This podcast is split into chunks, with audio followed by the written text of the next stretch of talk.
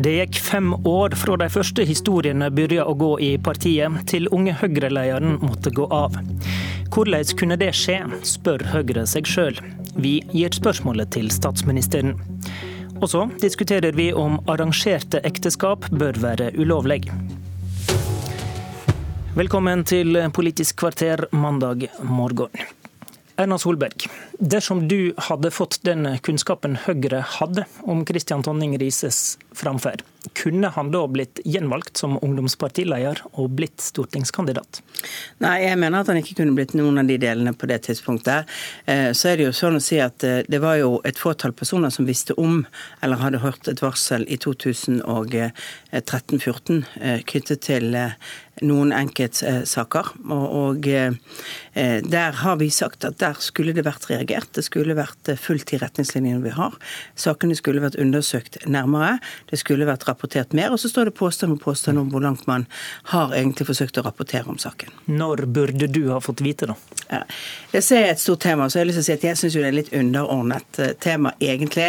Jeg burde sannsynligvis ha fått beskjed om at man jobbet med en sak på Høyres, altså, mellom Høyres generalsekretær og Unge Høyres generalsekretær eh, da Trond Helleland ble involvert for å ha en samtale med Kristian. Men, men, da er du i desember 2017. Da, da det, det, er ganske nylig. Det er 22. desember. Dere, dere har, det har versert historier og bekymringsmeldinger om det dere, og det dere kaller signal i partiet helt siden 2013, eller iallfall 2014. Hva, er din forklaring på at dette ikke fikk konsekvenser på det tidspunktet? da? Det er jo det vi ikke kan være, ha en god forklaring på. For det, det burde vært reagert. De varslene burde vært undersøkt bedre. Og det har vi også lagt oss helt flat og beklaget at det ikke ble gjort. Den gangen gikk det varsler til eh, ganske spesifikke varsler til Unge Høyre først, og til eh, valgkomiteen til Unge Høyre. Det ble jo da gjort intervju. Det ble gjort noen eh, undersøkelser fra de som fikk varselet på det tidspunktet. Men man gikk ikke grundig nok og langt nok inn, sånn at man fikk avklart hva som faktisk hadde skjedd og at det fikk ikke noen konsekvens for Kristian på det mm. tidspunktet. Der burde vi ha gjort en helt annen jobb. Og så burde vi nok på noen av de punktene som har vært mye mer generelle, de mer bekymringsvarslene om, om eh, at han har hatt eh, for mye kontakter med for unge jenter i en periode når han har vært full på arrangementer eh, i regi av, av Unge Høyre. Og der, der burde de bekymringsvarslene som var generelt om hans oppførsel, lede til at man gikk grundigere inn i saker. Men dette er jo Hva er din forklaring på at det ikke skjer, da? Det er det jeg lurer på. Ja, du, Det er jo vanskelig å si forklaring. Forklaringen er at ingen satt med et helt bilde. At det er ulike personer som har fått deler av bildet og ikke sett en systematikk. Og så har jo dette vært spørsmål som internt i Unge Høyre har vært adressert overfor Kristian. Og han har eh, også endret i perioder oppført seg annerledes. Han har eh, blitt adressert eh, internt i Unge Høyre, men, eh, men, det burde altså vært fulgt tettere opp. Og i tråd med våre retningslinjer så burde man ha gått grundigere inn i disse sakene. Kan det handle om at en vil skjerme et politisk talent? Jeg eh, har ingen indikasjoner på at det er en årsak til det. Men det kan være at man, fordi man har sittet, ulike personer har sittet med enkeltepisoder, har eh, ikke sett hele bildet. Og så tror jeg også at vi i Høyre altså Dette har vært primært til Unge Høyre. Vi i Høyre har jo også sett at vi har hatt saker parallelt. Vi har hatt flere saker med personer av ulik alvorlighetsgrad som vi har behandlet etter retningslinjene. Og det har kanskje vært en liten sovepute for oss, ved at vi har mm. trodd at for det det har fungert i andre sammenhenger, så har vi trodd at retningslinjene våre var kjent. Det var jobbet bedre med. Og vi har hatt et system hvor vi har revidert våre etiske retningslinjer. Vi har diskutert temaet seksuell trakassering. Vi har eh, jobbet med kulturen, men vi har åpenbart ikke klart å nå igjennom helt. Det virker jo som om det først skjer noe fra Høyres side i denne saka først etter at Aftenposten begynte å interessere seg for den? Det er jo ikke riktig. Eh, disse spørsmålene ble adressert fra Unge Høyres leder til uh, Unge Høyres eh, generalsekretær til Høyres generalsekretær i slutten av november. og Det var før Aftenposten begynte med saken, hvor hun ba om veiledning for hvordan hun skulle håndtere eh, saker knyttet til dette. Det kom nok fordi vi hadde diskusjonen rundt metoo. Vi hadde da en grundig diskusjon, hadde Unge Høyres sentralstyre hadde det. Den saken tok jeg også opp i vårt sentralstyre 19. til 20. Eh, 20. november, hvor vi også var tydelige på hva som, at ting måtte tas på alvor, at ting måtte rapporteres, ting måtte håndteres. Så det ville det tatt grep uten medias rolle? Altså, vi vet aldri hvor sterke grep hvor man hadde kommet så langt ned og vært uh, såpass direkte overfor Christian på saker, hvis ikke også media hadde interessert seg. Men saken begynte altså i en behandling før dette kom. Mm. Men parallelt så har jo Aftenposten stilt noen spørsmål mm. som har bidratt til at nok også oppmerksomheten er blitt enda større. Men den kommer altså til parti, det sentrale partileiingsnivået i slutten av 2017, mens en har bekymringsmeldinger mm. allerede fra 2014, eh, kanskje 2013. Har du noen refleksjoner rundt hvorfor så alvorlige opplysninger om en så sentral politiker ikke når fram til partiledelsen og til deg? Nei, vi, eh, vi, Etter våre retningslinjer så skulle jo de sakene som kom, eller den, den, ene saken som er primært omtalt i 2014, og de varslene som var da, så burde jo de også vært rapportert lenger opp. Og Der er det påstand mot påstand at generalsekretæren i Unge Høyre sier at han har tatt dette opp med vår generalsekretær på det tidspunktet. De er uenige om det, og det kommer vi faktisk ikke til bunns i. Tror du noen kan ha tenkt at det er best at eh, Erna og partiledelsen ikke vet? Nei, det tror jeg ikke. Eh, jeg tror ikke det er den type. Jeg tror, jeg tror at her har man ikke eh, sett alvorlighetsgraden, gått dypt nok og stilt de spørsmålene som man skulle gjøre. Og fordi vi har hatt andre saker som har pågått parallelt og vi har gjort det, så har jeg ingen grunn til å tro at det er noen årsak til det. Men det virker som om det er et mønster her i norsk eh, politisk parti. Vi kan se på det som har skjedd i Frp nå, f.eks. At Partiene tar ikke grep, selv om kunnskapen om trakassering finnes i partiet. Men da har vi også hatt flere saker hvor vi har tatt grep, hvor det er saker som er håndtert. Og som senest på vårt sentralstyremøte eh, før, eh, rett etter jul, også var eh, rapportert på når vi gikk gjennom de etiske retningslinjene. Og disse eh, varslene som er kommet inn nå, de er fordelt over seks år. Mm. Eh, det er episoder. Det er noen som har vært der tidligere, men mange av disse har jo ikke Er det ingen indikasjon på at det har vært noe kjennskap til i organisasjonen. For det vi har gjort nå, ved å legge listen lavt for, eh, for varsling, ved å være tydelige på at vi skal høre varslernes sak, og vi skal ikke gjøre noe med de sakene uten at varslerne er med på det, så tror vi vi har fått flere, eh, flere saker som ikke før har vært snakket om i det hele tatt. Mm. Ja, nå har dere fått 21 varsel i partiet, i, eh, de fleste har vel kommet i januar. da.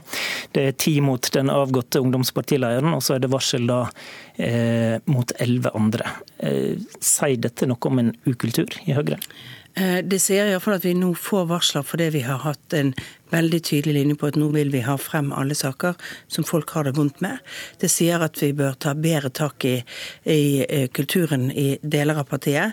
Men det sier også at eh, Jeg tror også at det er sånn at det er en del av utfordringen i ungdomsmiljøer er at det er grenseoverskridende uh, atferd, og at vi må betyr, være flinkere som voksne. Betyr det at alle disse elleve andre gjelder ungdomspartiet? Nei, jeg vil ikke gå i detalj om det, for det er litt, det er litt, det er altså litt ulik alvorlighetsgrad og litt ulike personer knyttet til dette. Ok. Takk for at du kom, statsminister og Høyre-leder Erna Solberg.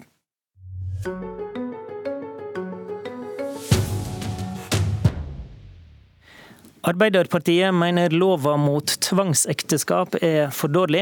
Også arrangerte ekteskap der unge blir offer for psykisk press og sterke forventninger fra familien, må være omfatta av lova, mener partiet. Masud Gharahkhani, innvandringspolitisk talsperson i Ap. Hvorfor er det nødvendig? Så Bor du i Norge, så må du også bli en del av Norge. og Derfor så mener vi at det er noen viktige verdier som skal gjelde for alle, uansett hvilken religion og kultur du tilhører. Og Det handler om demokrati, det handler om likestilling, det handler om frihet. Dessverre så ser vi jo det at enkelte har med seg en ukultur fra hjemlandet som handler om sosial kontroll, press, tvang. Det skal vi slå hardt ned på. Og Vi har jo hørt om disse skamløse jentene som sier at i enkelte innvandrermiljøer så blir ungdom presset til å velge en partner de ikke ønsker. Og Politi og mange andre har sagt at man må tydeliggjøre lovverket enda mer. At også dette med arrangert ekteskap må inn eh, når det gjelder eh, psykisk tvang. Eh, når det gjelder forventninger fra foreldre å velge en partner man ikke ønsker. Det sett i sammenheng... For, for dagens lov fanger ikke opp dette? Helt riktig, det gjør det ikke. Og Derfor så mener vi at det er viktig å forsterke lovgivningen rundt det. At psykisk press, forventninger, Eh, skal inn når det gjelder arrangert ekteskap, at det skal kunne slås hardt ned på. Det sett i sammenheng med meldeplikt. at eh, offentlige institusjoner, den enkelte har mulighet til å melde ifra når man får høre om at her er det ikke frivillighet inne i bildet, her er det press som er inne i bildet. For det handler nå om hva slags verdier det norske samfunnet skal bygge på, og frihet er en av de viktigste.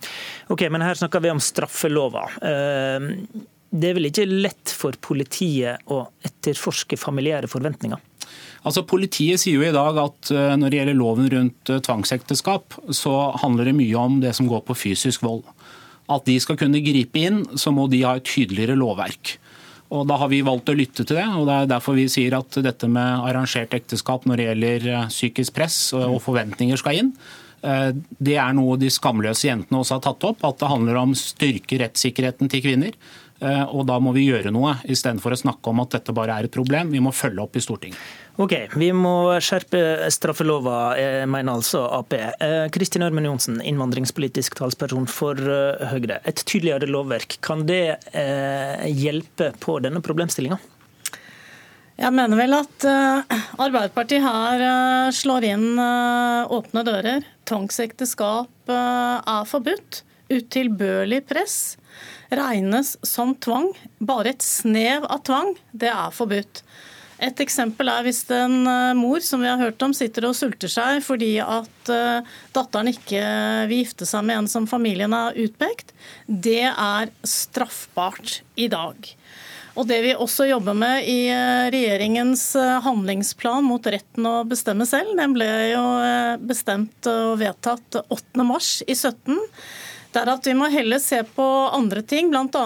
å utvide den eh, retten som eh, kvinnene har til å bestemme selv. Og Da må vi rett og slett gå på å utvide plikten til å avverge overgrep. Det var Masud inne på her. Altså Noen må si ifra, og dersom man ikke sier ifra og man vet det er tvang, det er straffbart. Men Jonsen, hvis, hvis, politiet peker på at lova ikke er tilstrekkelig for å fange opp disse psykisk press-situasjonene, bør en ikke faktisk gjøre noe med lovverket da?